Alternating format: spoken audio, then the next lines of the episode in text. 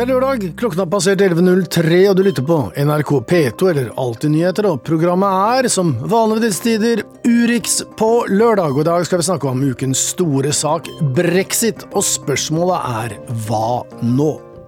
Til uken samles alle med makt, og noen uten, til Verdens økonomiske forum i Davos.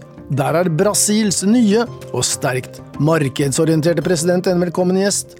Fjernt fra hjemlandets fattigdom. I morgen er det to år siden Donald Trump ble innsatt som USAs 45.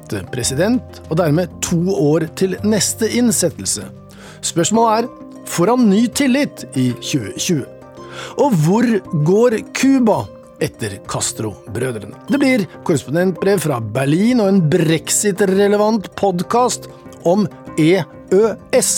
Dette er Urix på lørdag.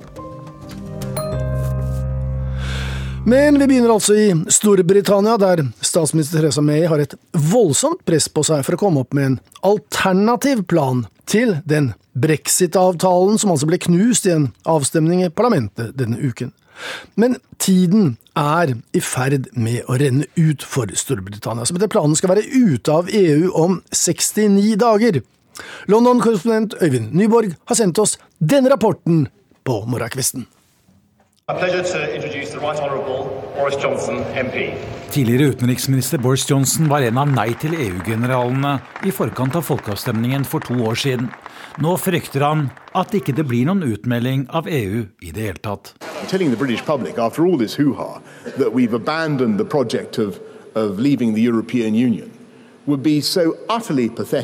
Etter all denne balubaen så er det forferdelig patetisk om vi gir opp å forlate EU. Det vil bare styrke folks syn om at det pågår et plott i Westminster om å stoppe brexit, sa Boris Johnson i en tale i går ettermiddag. Problemet nå er at britene har en avtale som flesteparten hater, men som ikke kan endres. Statsminister May har frist på seg til mandag om å komme med et kompromiss. Det er lettere sagt enn gjort. Arbeiderpartiet ville ha fortsatt medlemskap i tollunionen, men det er uaktuelt for regjeringen. Jeg tror ikke det er mulig at vi kan føre en uavhengig handelspolitikk om vi forblir i tollunionen. Det er fordi at vi må følge EUs lovgivning uten å ha noen innflytelse på hvordan den blir utformet, sier handelsminister Liam Fox. Det er også en gryende appetitt for en ny folkeavstemning. If support for Labour's alternative is blocked for party advantage and the country is facing the potential disaster of no deal Hvis landet står overfor den potensielle katastrofen som det er å gå ut av EU uten noen avtale, kan en ny folkeavstemning bli aktuelt, sier leder Jeremy Corbyn i Arbeiderpartiet. Including that of a public vote. Ja, Eivind Nyborg med oss direkte nå. Det er gått to og et halvt år siden britene sa ja til brexit. Hvor sannsynlig er det nå med et mirakel på 48 timer? Godt spørsmål. Meningen er nå å lodde stemningen for hva slags eh, kompromiss som kan være mulig. Men så langt har jo eh, statsminister May insistert på at utmeldingen må bygge på den etter hvert da forhatte skilsmisseavtalen med EU. I tillegg så står hun jo beinhardt eh, på at man ikke vil ha noen medlemskap i tollunionen, og heller ikke noe folkeavstemning. Så dette blir spennende. Det kan bli veldig dramatisk. F.eks. en utsettelse av brexit noe som vil hisse opp veldig mange, med frykt for opptøyer fra ytre høyre. Uansett så er det vel ingen god løsning i sikte nesten uansett. Og et av de store spørsmålene som faktisk jeg har eh, undret meg over, det er frykten for alt dette kaoset de eventuelt forventer på grensen mellom Nord-Irland og Irland, som altså nå er mellom Storbritannia og EU. Kunne de ikke ha tenkt på det før? Mm, absolutt. Hvis vi skal f.eks. sammenligne prosessen litt med vårt eget forhold til EU, eh, så er det jo eh, den grunnleggende forskjellen at eh, i 1994 så visste det norske folk hva man ville få ut av et EU-medlemskap eller ikke. Her måtte folk bare stemme litt ut fra slagordene fra begge leire. Det var veldig mye fokus på hva som ville skje med Dover og Calais, den engelske kanal. Lange køer, tollbarrierer osv. Men ikke noe for, særlig fokus på grensen på den irske øya. Det var akkurat som man hadde glemt flere tiår med krig. Brexit har liksom blitt litt til underveis. og Voteringen denne uken er jo også et forsøk på å få EU til å gi dem bedre betingelser. Men de har nok ikke helt tatt inn over seg her at EU ser ut til å behandle dem som et land i Europa, og ikke en stormakt. Dette er garantert det siste, ikke det siste vi får høre verken fra deg eller om eh, brexit. Takk skal du ha, Øyvind Nyborg.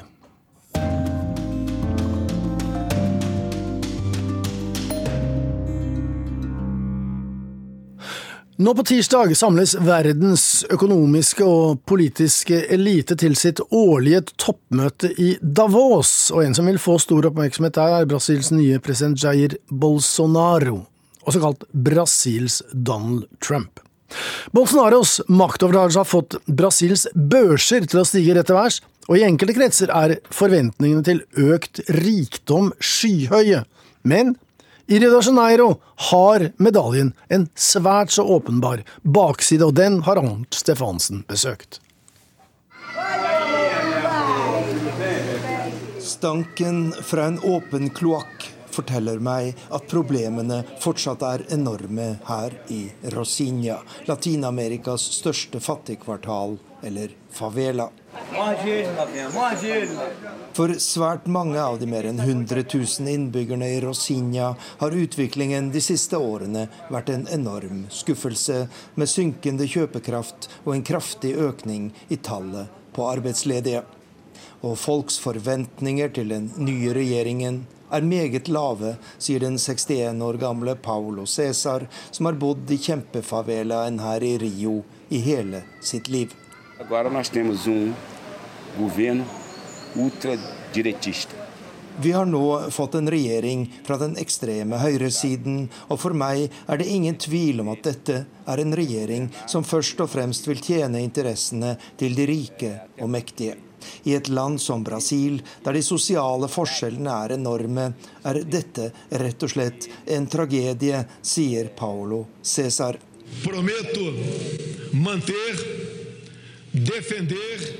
Høyrepopulisten Jair Bolsonaro ble tatt i ed som president her i Brasil ved nyttår, etter å ha vunnet en klar seier ved valget i oktober i fjor. Bolsonaros velgere kommer først og fremst fra den rikeste og best utdannede delen av befolkningen, og hans politiske signaler har skapt feststemning i landets næringsliv, ikke minst i finansnæringen. a alta de 1,33% em relação ao pregão anterior. Nye rekorder er blitt satt i et rykende sett på Ibovespa, børsen i Sao Paulo, den siste tiden. De siste tre månedene har Brasil hatt den største børsoppgangen i verden, og optimismen er stor når Bolsonaro og hans viktigste ministre nå tar veien til Davos-møtet, som starter på tirsdag. Men fortsatt er utenlandske investorer avventende til Brasil. Det er naturlig at utlendingene er forsiktige, sier økonomiprofessoren Jefferson do Prado. Fortsatt er det mange ubesvarte spørsmål når det gjelder Bolsonaro-regjeringens økonomiske politikk, og det viktigste er om det virkelig blir et fungerende marked i et land som Brasil, med så sterke tradisjoner for proteksjonisme, sier professoren.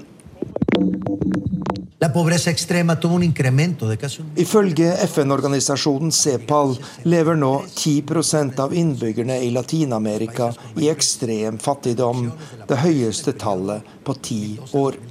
Og en viktig grunn er situasjonen her i Brasil. Det hjelper ikke å bedre økonomien hvis ikke fordelingen av godene blir bedre, sier Paulo Cæsar i Rosinha. Han frykter at Bolsonaros styre vil ende i forferdelse.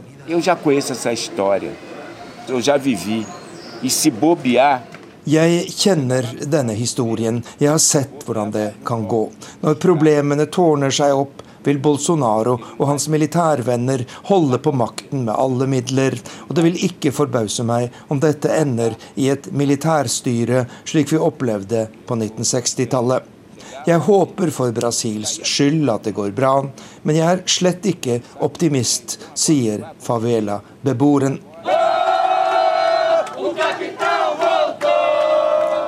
Jair Bolsonaro blir den første latinamerikanske president som holder en av åpningstalene under toppmøtet i Davos, og han vil få mange klapp på skulderen. Men hjemme i Brasil står problemene i kø. F.eks. en åpen kloakk i favelaen Rosinha. Og da skal vi fra én kontroversiell amerikansk president til en annen, for i morgen er ett, er Donald Trump halvveis i sin presidentperiode.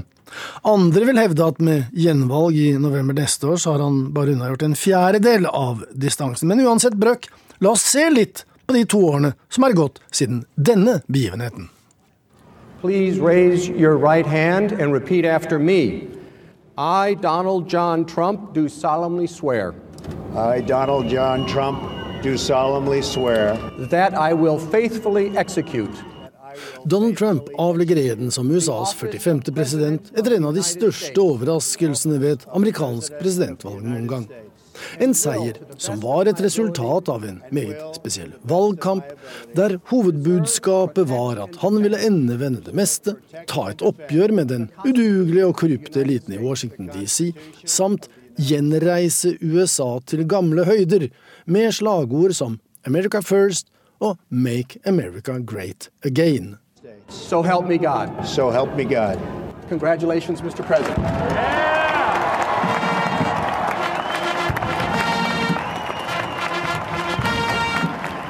Og nå trenger han virkelig Guds hjelp etter at store deler av statsapparatet er stengt pga. en budsjettkrangel med demokratene i Kongressen. De vil ikke betale for en grensemur som Trump sa at meksikanerne skulle betale. Men det mener han fremdeles, dog via omveier.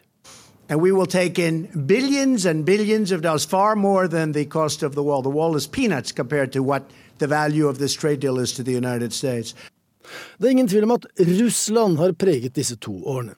Spesielt hva slags forbindelser hans valgkamp hadde til russerne, men også hans egne bånd til Moskva.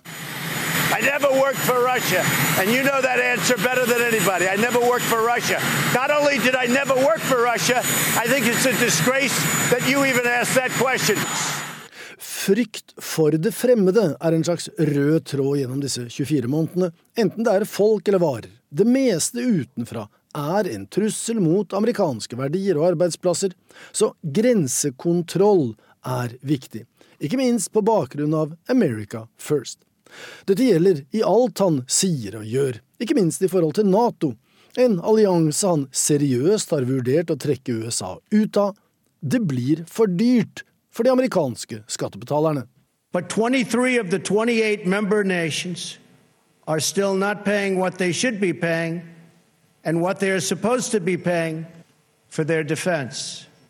This is not fair to the people and taxpayers of the United States. På disse to årene har han fått utnevnt to konservative og relativt unge høyesterettsdommere. De kan bli sittende og prege grunnlovsfortolkningen frem mot 2050. My goal is to be a great justice for all Americans and for all of America. Og det kan bli flere utnevnelser. To høyesterettsdommere er over 80 år, og dessuten Trump stiller igjen i 2020. Slagordet er for lengst oppgradert og ajourført. Our new slogan when we start running is going to be Keep America great! Exclamation point. Keep America great. Dette var en liten smakebit på noe av det vi har vært innom siden 20.1.2017. Wenche Eriksen har sett nærmere på hvor president Trump står i velgernes bevissthet etter to år. At Donald Trump er i amerikanernes bevissthet hver eneste dag, kan det ikke være tvil om. Det er Trump opp og Trump i mente, og jo mer Trump i mediene, jo større blir splittelsen mellom de som hyller og de som hater ham. Hvor presidenten står i deres bevissthet er selvsagt avhengig av hvilken leir man tilhører. Hvilken virkelighet man lever i, egentlig. Forskjellene kan være så store og vekke så sterke følelser at mange har funnet ut at det er best å ikke snakke om politikk med familie, venner og arbeidskolleger. Mat har stått i sentrum for Trump-dekningen denne uken. Først var det fastfood-buffeen han serverte i Det hvite hus for The Clemson Tigers, laget som vant collegemesterskapet i amerikansk fotball. Hamburgere, pommes frites og pizza ble stablet på sølvfat og porselen, Skikkelig amerikansk mat, jeg elsker det, strålte presidenten ved langbordet i den elegante spisesalen. Ikke akkurat det kokkene i Det hvite hus vanligvis ville ha disket opp med, men de er blant de 800 000 statsansatte som er permittert på grunn av budsjettkrisen.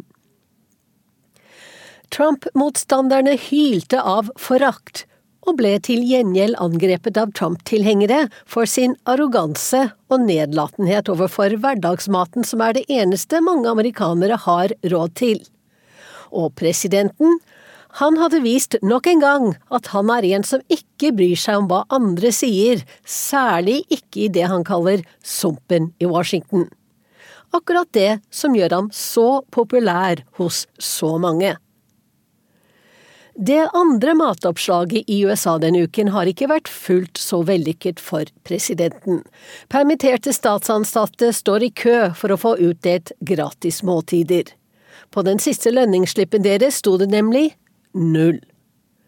Når Donald Trump nå går inn i siste halvpart av denne presidentperioden, er det med 2020-valget i sikte. USA-historiens lengste nedstengning av statsapparatet viser hvor langt han vil gå for å få bygget sin mur mot Mexico.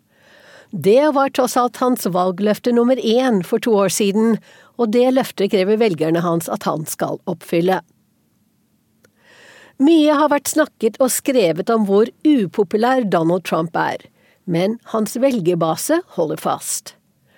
Hvis man kjører utenom motorveiene i USA, havner man ofte i småbyer preget av nedlagte fabrikker og butikker. Steder der det ikke har vært bygget noe nytt på flere tiår.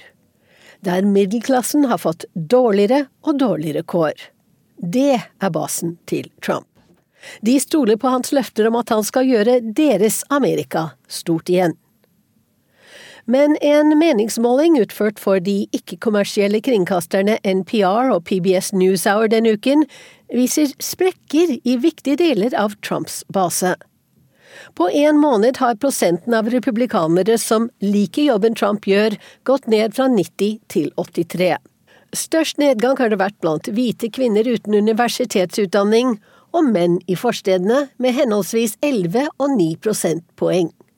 Også blant hvite konservative kristne mister han oppslutning i denne meningsmålingen utført av Marist. Det må selvsagt flere meningsmålinger til for å vise om dette er en midlertidig nedgang som skyldes budsjettkrisen, eller et tegn på mer vedvarende problemer for Trump. Utfordringene for presidenten står jo i kø.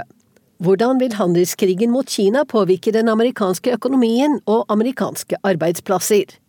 Hva blir resultatet av Mueller-etterforskningen om Trump-kampanjens påståtte forbindelser til Russland? Hvor mange flere utskiftninger blir det i hans nærmeste stab, og hva vil det ha å si? Og ikke minst, klarer det demokratiske flertallet i Representantenes hus å tvinge Donald Trump til å offentliggjøre sine selvangivelser, noe han har nektet å gjøre til nå? Kan det bli reist riksrett mot ham? Vil republikanske senatorer i så fall stemme mot ham? Denne uken gjorde nemlig elleve partifeller nettopp det, da det var snakk om å heve sanksjonene mot russiske selskaper kontrollert av en Putin-venn. På den annen side, kan Trumps diplomati med Nord-Koreas Kim Jong-un føre til noe konkret? Kommer den amerikanske økonomien til å vokse videre? Og kan det hende at president Donald Trump takler en krise eller en vanskelig situasjon på en overraskende positiv måte? Uforutsigbarhet er noe han ikke godt. På Fox News for ikke så lenge siden ga Trump seg selv den beste karakteren A pluss, og så la han til kan jeg overstige det? Han har to år på seg. Det sa Wenche Eriksen, og vi blir jo aldri helt ferdig med Donald Trump, for nå skal vi snakke om Cuba. Eh, han er ingen hovedaktør der, men vi gjør det delvis fordi at en mangeårig Latin-Amerika-gjest her i studio, Vegard By, har tatt eh, doktorgraden denne uken. Vi får gratulere da, doktor By. Takk, takk. Eh, vi skal ikke gå altfor grundig inn i selve denne akademiske øvelsen du har vært gjennom, men Cuba fikk en ny leder i fjor. Miguel Diaz Canel. Og med det så var Castro-æraen over, selv om Raúl fremdeles er i live og er førstesekretær i partiet. Men det er reformer som eh, står i sentrum for den politiske debatten i landet, og ikke minst da grunnlovsreformer. Og det var da også mye av dette som var eh, dreide seg om i din avhandling og din disputas og din prøveforelesning. Så da vil jeg stille spørsmålet, da. Hvor står og går Cuba nå på denne reformveien under nye krefter? Ja, det er fortsatt et 10 000 dollar-spørsmål, det. Men uh, det vi kan si er at uh, de ti åra da Raúl Castro var president, så begynte de på en viktig reformprosess. Uh, både økonomisk og i en viss grad også politisk. Dette støtte på såpass mange motkrefter etter hvert at mange av reformene ble snudd. Eh, og en kan snakke om en, slags eh, revers. Eh, fram til Diaz Canel ble president i april i 2018. Og Det som er litt av problemet, er at han og hans nye samtidige ledere har ikke lenger har ikke noe eget program å basere sin politikk på. Deres eneste grunnlag er på en måte at de har blitt utnevnt, utpekt av de gamle, og ser som sin rolle å videreføre revolusjonen. Og så mener jeg og mange med meg at eh, det er ingen altså Business as usual er ingen mulighet for Cuba. Cuba må må gå langt dypere inn i reformprosessen. Eh, men det har altså eh, Diaz Canel liten politisk basis for, inntil han får bygd seg sin egen basis, som han nå kanskje holder på med, men som tar betydelig tid. Så fram til 2021, den neste partikongressen, da Raúl og de andre gamle gutta skal ut av partiledelsen, tror jeg det blir veldig vanskelig for Diaz Canel å virkelig gjennomføre de reformene som jeg tror også han selv veit at han må gjennomføre. Men altså En del av ditt mandat i forbindelse med din uh, nye ærverdige grad, det gikk jo også da på, ut på å se Cubas transformasjon da eventuelt, via denne reformprosessen fra en autoritær stat over til kanskje mer frihetlig, og også da eh, sammenligne det med andre som eventuelt har vært gjennom tilsvarende prosesser. Er det, er det mange å hente og høste lærdom fra på dette feltet? Altså For cubanske ledere tror jeg det er to hovederfaringer de ser på. Det ene er eh, Sovjetunionen, som gikk i oppløsning. Eh, fordi de sannsynligvis satte i gang en reformprosess som ikke lot seg stoppe. Hvor det ble en slags, eh, en slags dominoeffekt. Og det tror jeg cubanske ledere er veldig redd for. Andre alternativet er Kina og spesielt Vietnam, som altså har klart å gjennomføre dyptgående økonomiske reformer og vært meget vellykket, altså som har større vekst enn noe annet land nesten, men som har beholdt det autoritære regimet. Spørsmålet er jo om Cuba har mulighet til å gjøre det samme. Eh, jeg tror de selv er redd for at de ikke kan det. Altså, Cuba er et helt annet kulturelt, historisk fenomen enn Kina og, og Vietnam. Eh, og Det spennende er jo da hva som skjer hvis de virkelig går lenger i økonomiske reformer som de vet at de må, altså gjennomføre en skikkelig markedsøkonomi, vil det da være mulig å unngå at også den politiske maktmonopolet går i oppløsning? Det er det store spørsmålet. Jeg, jeg vil tro at vi etter hvert vil se at det blir veldig vanskelig på Cuba. Og så har jo Cuba da en eh, mektig nabo her, som, eh, som jo eh, ikke alltid tillater Cuba å gjøre som Cuba vil. Nevnte dette innledningsvis med Trump. Altså, han er jo særdeles uforutsigbar, uberegnelig. Nå, han kan jo føre samtaler. Det kom ut rykter og nyheter nå om at han skal ha et nytt møte med Nord-Koreas leder, Kim Jong-un. Men cubanerne kan han ikke snakke med. Det er fiendtlig territorium. Så har du da trukket opp et scenario. Eh, et skrekkscenario, får jeg nesten kalle det, hvor i den store regionale sammenhengen eh, konflikten mellom spesielt nå da, Colombia og Venezuela, så, så, kan man nesten ane et bilde hvor i verste fall USA og Cuba kan havne på hver sin side i en regional væpnet konflikt. Mm. Ja, og dette ble faktisk eh, enda mer skremmende etter en terroraksjon i, i Bogotá, hovedstaden i Colombia, i går eller foregårs, hvor 20 mennesker ble drept med et attentat mot politistasjonen. Det som, det som ligger i bånn her, er at den nye presidenten i Colombia, Duque, er under veldig press fra krysspress, som vi statsledere pleier å si. På den ene sida, så hvis han viderefører fredsprosessen, og ikke minst går i forhandlinger med ELN, denne geriljagruppa som vært som man ikke har en fredsavtale med, så vil han kunne gå over historien som den store fredsagenten. Fordi president Santos fikk nobelprisen, han klarte aldri å gjennomføre hele denne avtalen. På den andre sida, hvis han nå gjør som det ser ut til nå, at han, han, eh, går, han nekter å videreføre samtalen med ELN, eh, forlanger at Cuba skal utvise ELN-ledere som befinner seg der og venter på å forhandle, og i tillegg kanskje styrker konflikten med Venezuela. Noe av det tragiske her var at den som utpekes som hovedmann i denne aksjonen, eh, har tilhold i Venezuela. Og Dermed kan du se for deg en kjempefarlig situasjon, hvor Bolsonaro Brasil er en aktør, og cubanerne, som er rådgivere for de militære og sikkerhetsfolkene på Cuba, kan bli direkte involvert i en regional konflikt. Som jeg sa, skrekkscenario der. Vi får høre mer fra doktor Vegard dersom dette skulle skje. Eh, takk skal du ha for at du kom i Urix på lørdag.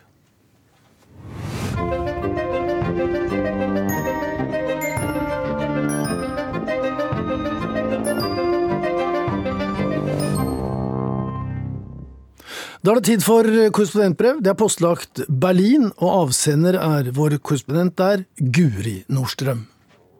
Reisende i Europa på kryss og tvers de siste fire årene er det ett spørsmål jeg ofte har fått fra folk når jeg har fortalt at jeg kommer fra Norge. Og det lyder som følger. Fra Norge, ja. Ja, der er dere vel glade nå for at dere aldri ble medlem av EU? Det betyr ikke nødvendigvis at de som spør selv er imot EU. To tredjedeler av europeerne mener landet de bor i har tjent på EU-medlemskapet, noe som ifølge Eurobarometer er den høyeste oppslutningen på 35 år. Nei, jeg opplever heller spørsmålet som et halvnysgjerrig hjertesukk, som handler om at det må da være deilig å bare stå utenfor og se på all støyen, istedenfor å være midt oppi det selv. At vi nordmenn heller ikke er uberørte av et rumlende EU, lar jeg ligge. Oppfattelsen blant mange her ute er ofte uansett at Norge er som en fraværende rik pappa som bare betaler, og så går ut av rommet slik at de andre kan bestemme og krangle seg imellom. Spørsmålet har f.eks. kommet fra både tyskere og grekere når finanskrisen i Hellas har blitt diskutert. Den startet som kjent i 2009, da Hellas innrømte at budsjettunderskuddet deres var dobbelt så stort som det de hadde oppgitt. Mens kravet i eurosonen er at et budsjettunderskudd skal være på maks 3% var grekernes på 15% Da jeg kom til Tyskland i 2015, ble støtten til det tredje og siste kriseprogrammet for Hellas til slutt vedtatt i forbundsdagen etter mye diskusjon. Flere folkevalgte, også Merkels partifeller, nektet å støtte nye forhandlinger med Hellas. Mange tyskere var tydelig irriterte over det de mente var utakknemlige grekere som ikke hadde samme syn som dem på de økonomiske krisepakkene. Grekerne stemte også i en folkeavstemning til alt overmål et rungende nei til å motta den siste krisepakken, men statsminister Alexis Tsipras måtte likevel krype til korset og signere det tredje programmet i 2015. Alternativet var å bli kastet ut fra eurosonen. Gjennom de tre kriseprogrammene i 2010, 2012 og 2015 fikk Hellas til sammen 239 milliarder euro i lån fra EU, Den europeiske sentralbanken og Det internasjonale pengefondet. Lånet ble gitt med knallharde krav om innstramninger og nedskjæringer etter tysk oppskrift. Og selv om kriseprogrammene ble avsluttet i august i fjor, og Hellas nå må klare seg på egen hånd, så sitter arrene fortsatt igjen i mange grekere som fikk en vanskeligere situasjon. Bruttonasjonalproduktet falt med en fjerdedel over åtte år, lønninger og pensjoner ble kuttet med en tredel, Titusener av små og mellomstore bedrifter gikk konkurs. Arbeidsløsheten steg til 28% fattigdommen økte, mange hadde ikke råd til nødvendige medisiner, studenter måtte gi opp studiene sine, og rundt 300 000 mennesker utvandret, mange av dem med høyere utdanning som landet hadde trengt. Senest i forrige uke, da Angela Merkel besøkte sin kollega Tsipras i Aten, var det store protester mot den tyske kansleren i gatene, og opprørspoliti måtte spre demonstranter med tåregass. Men tyskerne, med Merkel i førersetet, mener fortsatt at tiltakene var nødvendige, og peker på at selv om den greske økonomien gikk tilbake mens krisepakkene gjaldt, så peker pilene oppover igjen nå. For første gang siden 2011 er arbeidsledigheten nå på under 20% og pilene går for øvrig også oppover, som det så ofte gjør for tyskerne selv. De har ifølge Financial Times tjent 27 milliarder kroner i renteinntekter på greske statsobligasjoner siden eurokrisen begynte. Spørsmålet har senere kommet når jeg har dekket migrantkrisa og ytre høyre sin fremmarsj Europa rundt. Du er fra Norge? ja, Ja, der er dere vel glade nå for at dere aldri ble medlem av EU? Spørsmålet har kommet fra folk på begge sider i innvandringsdebatten i forbindelse med asylkvoten, der EUs medlemsland de siste årene har stått fast i diskusjonen om hvordan de skal fordele asylsøkerne mellom seg. Særlig medlemslandene i øst, som Ungarn, Polen, Tsjekkia og Slovakia, har vært sterkt imot å få en slik føring fra Brussel, mens yttergrenselandene har blitt forbannet over manglende solidaritet blant de andre medlemslandene, og at de må sitte igjen med utfordringene alene. F.eks. vedtok EU høsten 2015 at 160 000 flyktninger og migranter skulle relokaliseres fra Italia og Hellas. Men senest i sommer var det bare i underkant av 35 000 som hadde blitt sendt til andre land. Fra Norge, ja ja, der er dere vel glade nå for at dere aldri ble medlem av EU? Spørsmålet kom senest igjen denne uka i Brussel, da jeg dekket reaksjonene fra brexit-avstemningen i London fra EUs hovedstad. På en irsk pub et steinkast fra Europakommisjonen var det stint med utflyttede briter som hoderystende fulgte med på BBC-sendingen fra hjemlandet.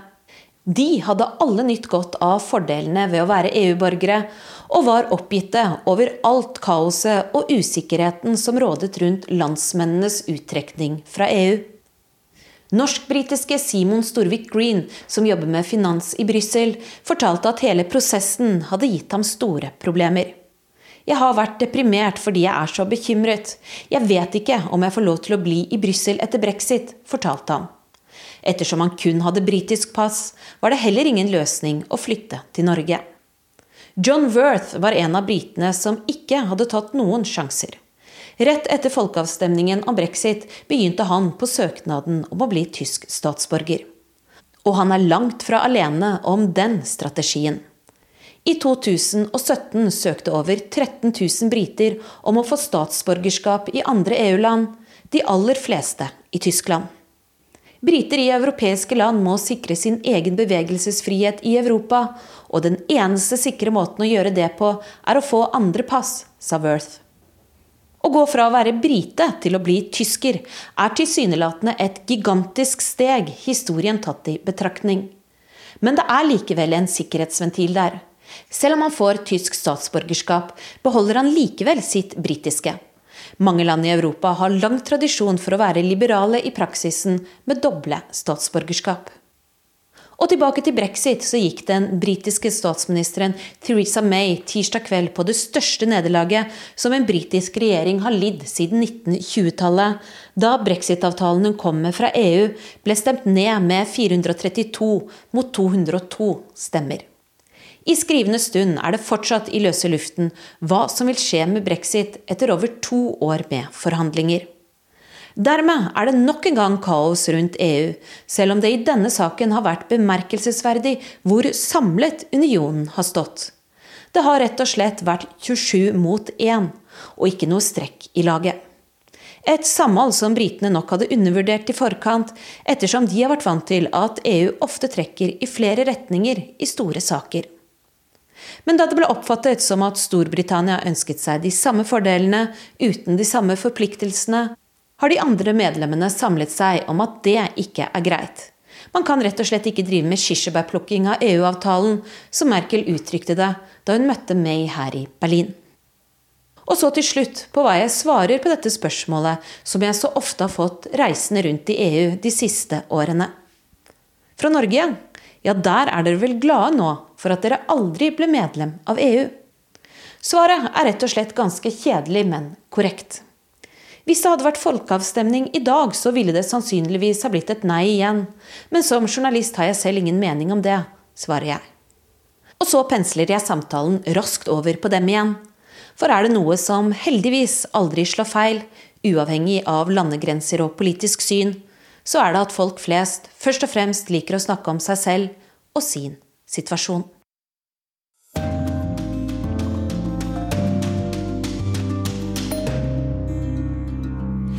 Og da er det tid for vår ukentlige podkast.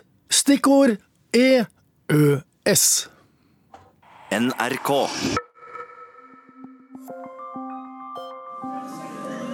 The eyes to the right, 202. The nose to the left, 432. So the nose have it, the nose have it. Unlock! Et nei runga gjennom det britiske underhuset denne uka. Og stikkordene nei og EU, de vekker sterke og dramatiske minner for oss som er født i EF-stridens 1972, Tore, og som var studenter i EU-kampens 1994. Men nå er jo ikke vi så unge lenger. Og nå er det mer enn én million mennesker i Norge som slett ikke husker noen norsk EU-debatt. Er de bekymra for europeiske krisetilstander med brexit? Vi skal be generasjon EØS vise oss veien videre. Krig og fred med Tore Moland og Tove Bjørgaas. Order! Order! Det er litt sånn eh, dommedagsstemning. Er det grunn til å være redd?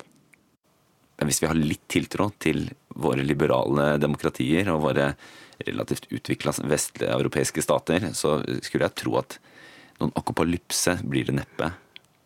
Så litt framtidstro er det der i forhold til at jeg tror ikke nødvendigvis det blir Det blir ikke, det blir ikke verdig en sånn eh, apokalyptisk Netflix-serie, det her. Jeg heter Øyvind Svendsen. Jeg er doktorgradsstipendiat i statsvitenskap ved Universitetet i København og er tilknyttet NUPI her i Oslo. Og når er du født? Jeg er født i 1990. Og du Øyvind, du skriver faktisk doktorgradsavhandling om brexit. Mm. Og jeg skriver om brexit og hva brexit gjør med europeisk sikkerhetspolitikk. Hvordan man tenker om samarbeid i Europa etter brexit. Jeg tenker Som, eh, som representant for, for EØS-generasjonen, de, de, unge, så tenker jeg at vi, vi har litt sånn avslappa forhold til ting, kanskje. Og brexit er jo også litt som EØS, litt kjedelig. fordi det, det, er jo bare forhandlinger og daglig drift av politikk som foregår i parlamentet rundt omkring. Så, så det fremstår kanskje ikke sånn. Jeg tror eh, den britiske sentralbanken f.eks. sier jo hvis de går ut uten avtale 29.3, en såkalt hard brexit, så vil det få eh, ganske raske, umiddelbare konsekvenser for britisk økonomi. De vil antageligvis gå inn i en resesjon, pundet vil falle. Og de type tingene de vil jo få ringvirkninger inn, ned, helt ned i arbeidsstokken. Så her vil vi kunne ikke sant, Argumentet for brexit er f.eks. å styrke helsevesenet i Storbritannia. Det er vanskelig å se for seg at i hvert fall på kort sikt at å gå ut uten en avtale er noen god idé. og at I så måte kan man si at det er en krise dersom de går ut. Da jeg var ung og gikk på, på Blindern, så, så var det jo EU-avstemningen i 1994 veldig mye handlet om. Og folk var redde for hva som skulle skje hvis vi ikke ble med, og noen var veldig redde for hva som skulle skje hvis vi ble med. Mm. Og den kvelden da vi stemte nei, så føltes det veldig dramatisk for, for mange av oss. Toget til Europa gikk nå, annerledes land Norge skulle bli stående utenfor. Hva tenker du når du hører om sånne ting? Jeg tenker at jeg syns det er litt kult.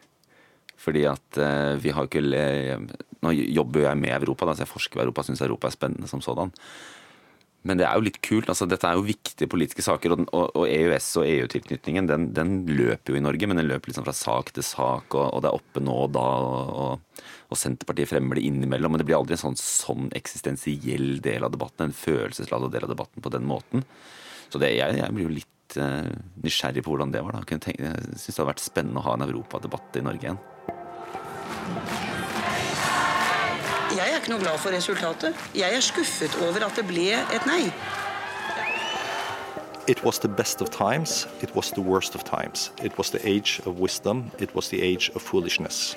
We were all going direct to heaven, we were all going direct the other way. Jeg heter Stein Hernes, jeg er 47 år gammel. Det betyr at jeg var 22 i 1994 da Norge stemte over EU. Jeg studerte statsvitenskap her på Universitetet i Oslo, som vi er, og har siden jobbet bl.a. på Stortinget eh, ved statsministerens kontor, og nå for ikke så lenge siden i Nato for Jens Stoltenberg. Nå sitter vi her i SV-bygget på Blindern. Her gikk vi begge tidlig på 90-tallet. Hva er det sterkeste minnet du får når du sitter akkurat her? Da jeg begynte på Blindern, så satt man her og uh, drakk kaffe man røykte, man diskuterte EU. Uh, og den røyken den ser vi jo selvfølgelig ut overalt. Altså, det, det, var uh, si, mye mindre solidarisk enn det var å røyke på et fly, som man også gjorde på det tidspunktet. alle røykte, liksom? Alle røykte. Absolutt alle. Men jeg tror det som slår meg mest, det er vel at den generasjonen som vi var, ble preget Og vårt syn på Europa altså ble, ble kanskje preget mer av interrail enn av internett. Uh, vi, uh, vi, hadde en enorm fremtidsoptimisme, husker jeg på den tida. Uh, det var uh, da, da, jeg gikk her, så tror jeg allerede var, man begynte å kalle det 20. århundre for det korte århundret. Fordi det begynte så å si da i 1914 med første verdenskrig og ble avsluttet med Berlinmurens fall, Tysklands samling og sammenbruddet av Sovjetunionen. Så, så, det var en, en enorm optimisme Eh, liksom, i verden som preget i alle fall meg. Eh, samtidig som det var en ganske sånn knallhard debatt her om hva, om hva Norge skulle velge. Hva var det dere gjorde i den valgkampen? Hva, var det viktigste tingene? Hva husker du? Um, nei, altså Det som var liksom sånn definerende tror jeg, for enhver ungdomspolitiker, uh, og som også tror jeg liksom borer seg ganske hardt inn i i hvert skinn som var der, det er jo disse, disse skoledebattene.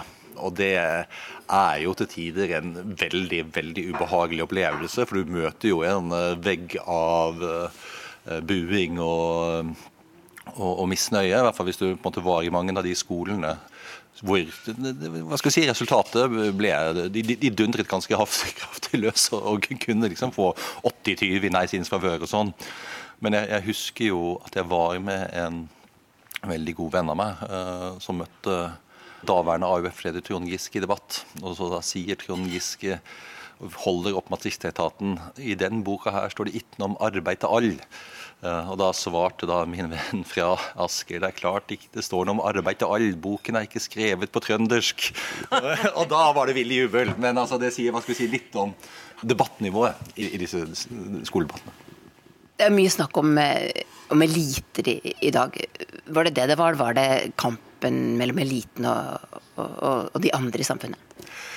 Jeg følte meg holdt på ingen måte uh, som elite da jeg reiste rundt i landet og argumenterte for et ja. Jeg opplevde meg snarere tvert imot som veldig, hva skal vi si, en ungdommelig idealist. Så, så det, og eh, det var jo hva skal vi si, 48% som sa, sa ja. og Eh, det er sikkert flere definisjoner av elite enn det er mennesker i landet, men, men, men eliten kan ikke tilhøre 48 eh, så, så, så det, var mye, det, var mye, bredere enn som så. Men det betyr ikke at ikke enkelte i eliten og store deler av eliten var for. Eh, men jeg opplevde ikke at dette var et, et eliteprosjekt. 28.11.1994. Hvordan husker du den kvelden?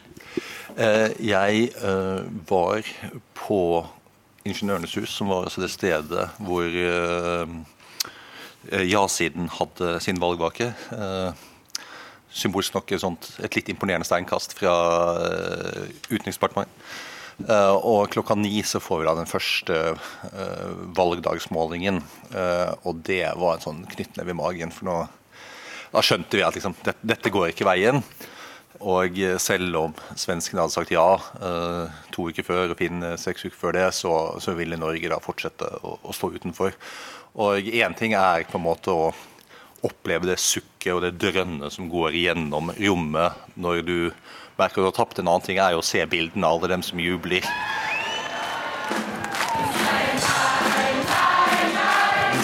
Vi, vi sier nei, nei, nei.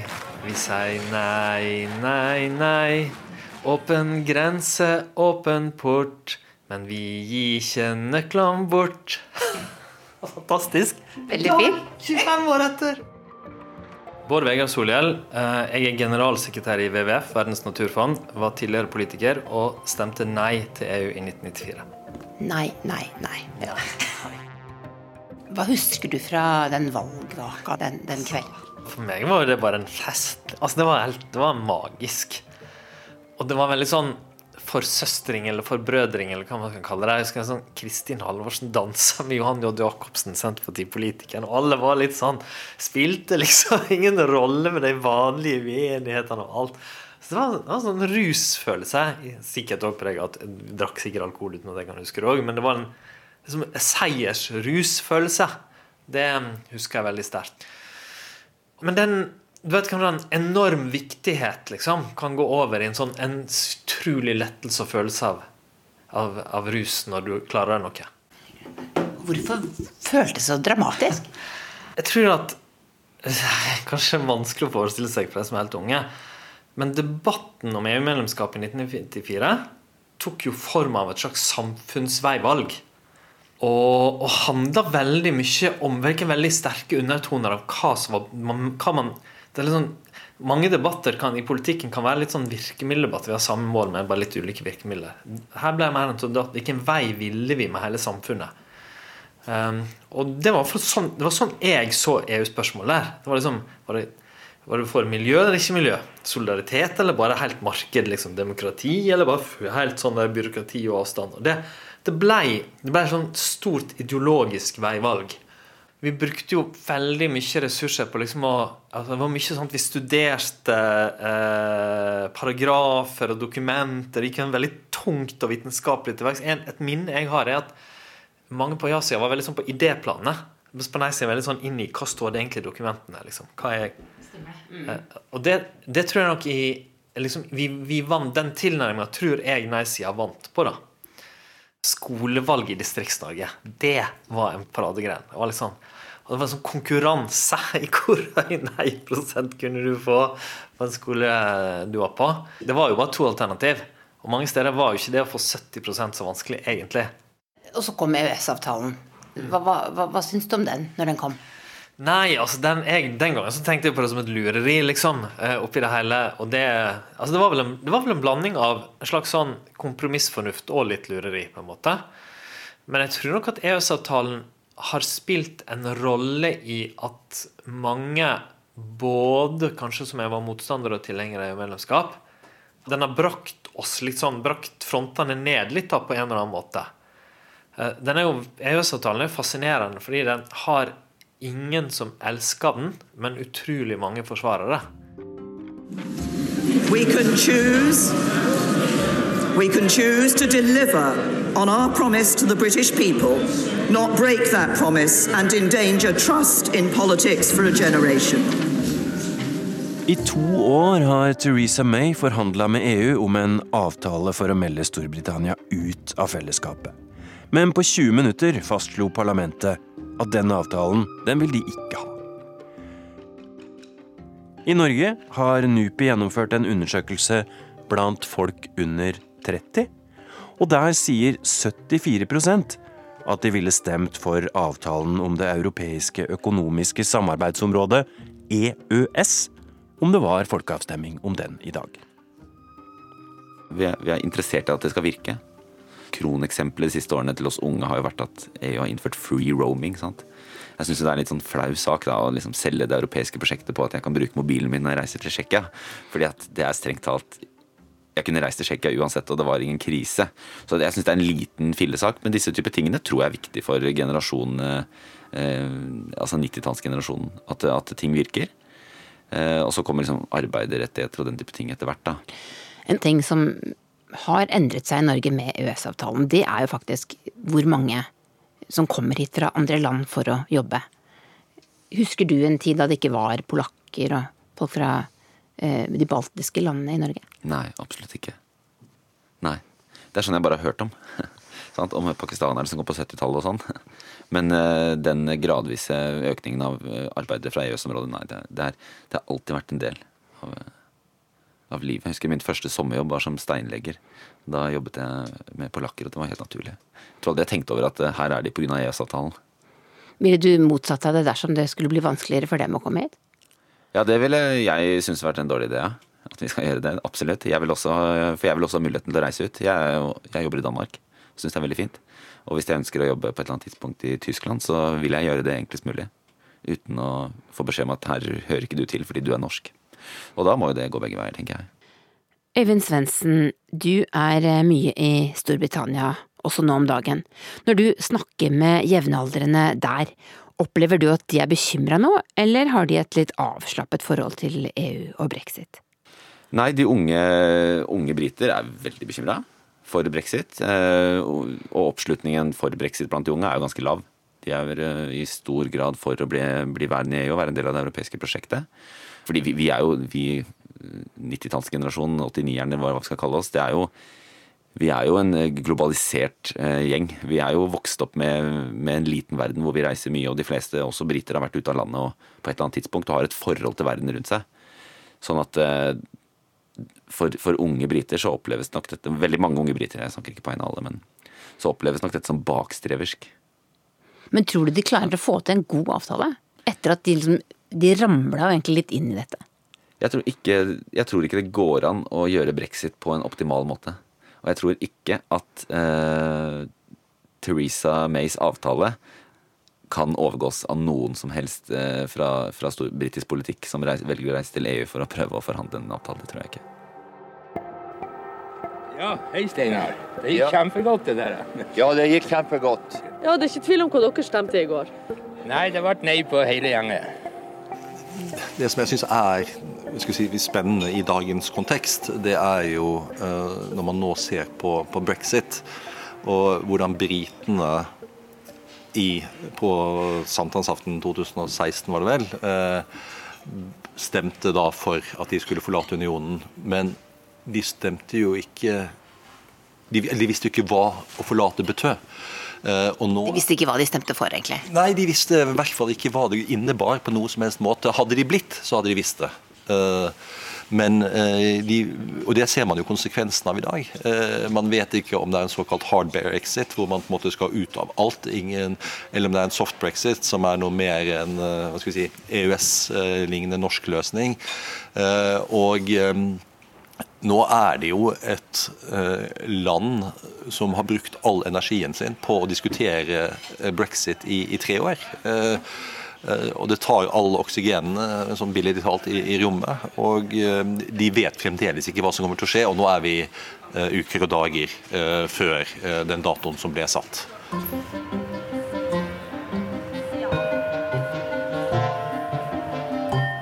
Se for deg dette scenarioet etter at det blir brexit, så er det også andre land i EU som ønsker å, å kvitte seg med, med, avtaler. Og så blir det en debatt om EØS-avtalen en gang i framtida. Mm. Eh, noen norske politikere ønsker ikke lenger denne avtalen. Det blir en, en folkeavstemning om Norges tilknytning til EU. Eh, e mm.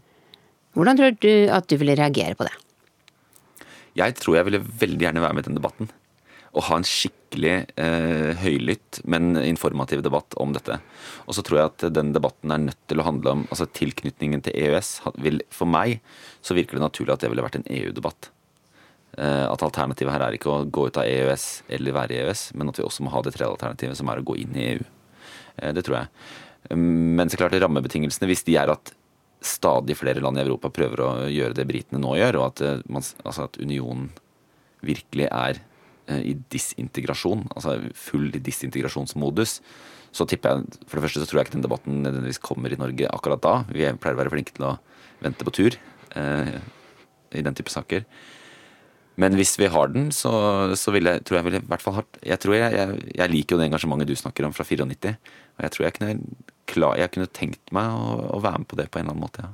Hvilken side vil du stå på? Det vet jeg faktisk ikke. Helt ærlig. Jeg vet ikke. Og det er jo litt sånn vi unge er, da. Vi, vi, vi er vokst opp med EØS, vet ikke så mye om den, syns den er grei. Men hvis, og det, jeg kan leve med den. Jeg, synes, jeg også tenker det. Jeg syns den er fin. Uh, og jeg er, jeg er opptatt av demokrati, sånn at det er så stor motstand i Norge mot den. 80, eller, altså ikke mot avtalen, men mot å være, bli medlem i EU. Uh, samtidig som jeg tror det er en dårlig idé å gå ut. Men hvis vi skulle virkelig, virkelig ta den prinsipielle store debatten inn, bli værende eller ut av EØS Nei, helt ærlig, jeg trenger den debatten jeg også gjerne ville vært en del av, tror jeg. Hvilke saker tror du den debatten ville handle om? Jeg tror den debatten ville handle om det det handla om i 94. Jeg tror det ville handla om eh, suverenitet. Jeg tror det ville handla om eh, ressursene våre. Eh, handla om fisk, og det ville handla om, eh, om landbruket vårt, og det ville handla om eh, EUs eh, landbrukspolitikk og de store subsidiene som havner nede i de store landbruket på slettene nede i Frankrike og Tyskland. Så jeg tror jeg tror ikke den ville vært så annerledes, men jeg tror jo egentlig ikke den handler om ressurser. Jeg tror den handler om eh, by og land og identitet, og hva det betyr å være norsk. Og vi har en litt sånn rar idé om at vi er veldig spesielle. Eh, så jeg tror identitet ville vært helt sentralt i en sånn debatt også. Du har hørt podkasten Krig og fred fra NRK Urix.